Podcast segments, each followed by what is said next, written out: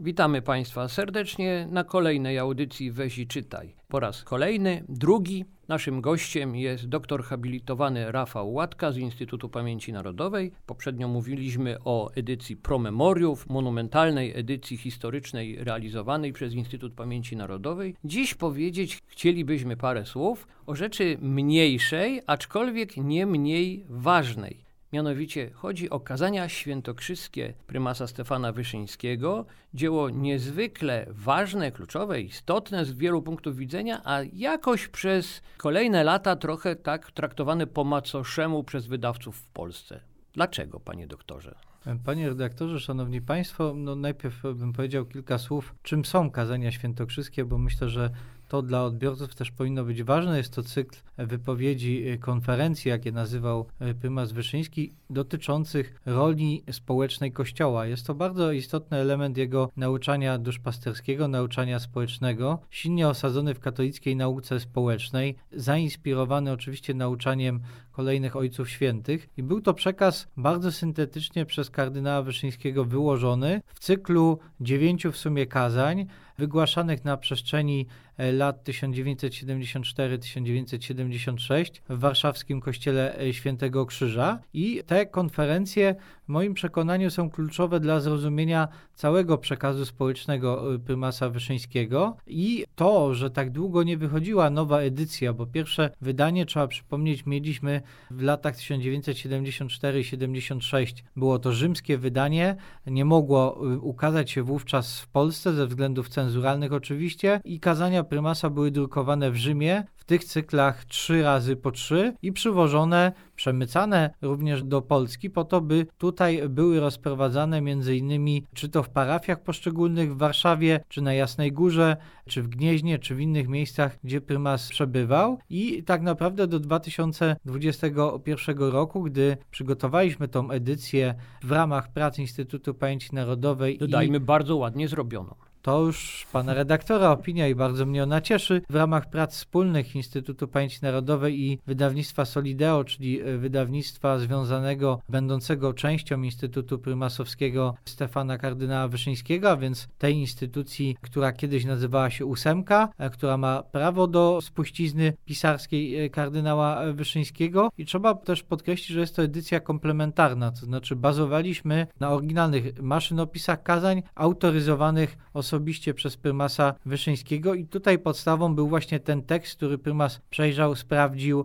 zobaczył i zaakceptował i to jest niezwykle istotne, bo to jest jasna informacja, że jest to integralny tekst, na którym opierają się redaktorzy naukowi, nie jest to tekst czy to publikowany wcześniej i to jest też istotne oczywiście w kontekście sfałszowanej edycji kazań funkcjonujących w PRL, którą komuniści wypuścili po to, by prowadzić akcję dezintegracyjną wobec prymasa i dawać świadectwo nieprawdzie, to znaczy takiego przekazu, który nie ma wiele wspólnego z nauczaniem prymasa Wyszyńskiego, a chodziło o wprowadzenie zamętu, bo władze komunistyczne zobaczyły, że cykl kazań świętokrzyskich jest bardzo popularny, do kościoła Świętego Krzyża przychodziły tłumy na kolejne konferencje wygłaszane przez prymasa Wyszyńskiego, a odbitki kazań i ta edycja krążyły po całej Polsce i były ważnym źródłem informacji na temat spojrzenia kościoła na sprawy społeczne. Chcieli komuniści, jak rozumiem, z tych właśnie zaprezentowanych faksymilów, które są w tej edycji, stworzyć wrażenie, iżby prymas popierał państwo komunistyczne po prostu. Tak z tych fragmencików miałoby wynikać. Ale mamy tu do czynienia z dwoma rodzajami pracy, jednej i tej samej. Z jednej strony edycja źródła, klasyczne źródło historyczne, które fachowo zostało wyedytowane, ale z drugiej strony jak gdyby podręcznik do rozumienia katolickiej nauki społecznej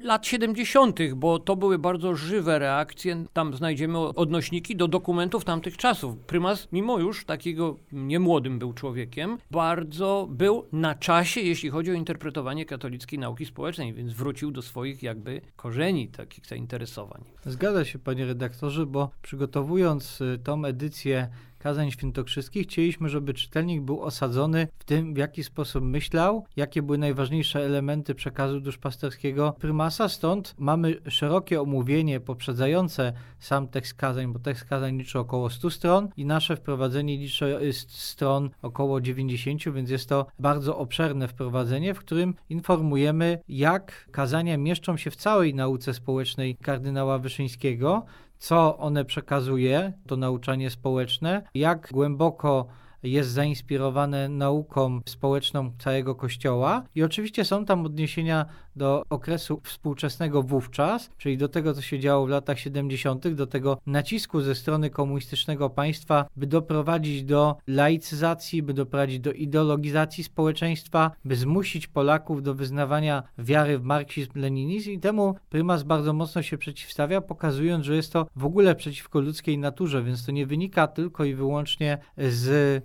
nauki społecznej Kościoła, ale wprost spraw naturalnych, do których kardynał Wyszyński również się odwoływał. I widzimy tam również wątki dotyczące nauczania wobec wybranych grup społecznych, bo prymas przywiązuje do tego ogromną wagę, by poszczególne grupy społeczne, zawodowe dostawały zindywidualizowany przekaz, łatwo dla nich zrozumiały po pierwsze, a po drugie odnoszący się do tego, jaką rolę oni powinni pełnić w społeczeństwie, bo widział prymas osobno rolę dla kobiet, osobno dla mężczyzn, osobno dla młodzieży, właśnie chociażby do nauczania do młodzieży przywiązywał tu ogromną wagę, widząc, że młode pokolenie jest zagrożone przez ten system powszechnego zakłamania, system komunistyczny, który miałby zmusić młodych Polaków do przyjęcia ideologicznych kanonów komunizmu, bo trzeba tu też przypomnieć, że pierwsza połowa lat 70., czyli ten kontekst, który tu mamy, to okres, gdy PZPR najbardziej rośnie w siłę, partia jest najliczniejsza, więc widzimy, że prymas przeciwstawia się też temu zagrożeniu o charakterze politycznym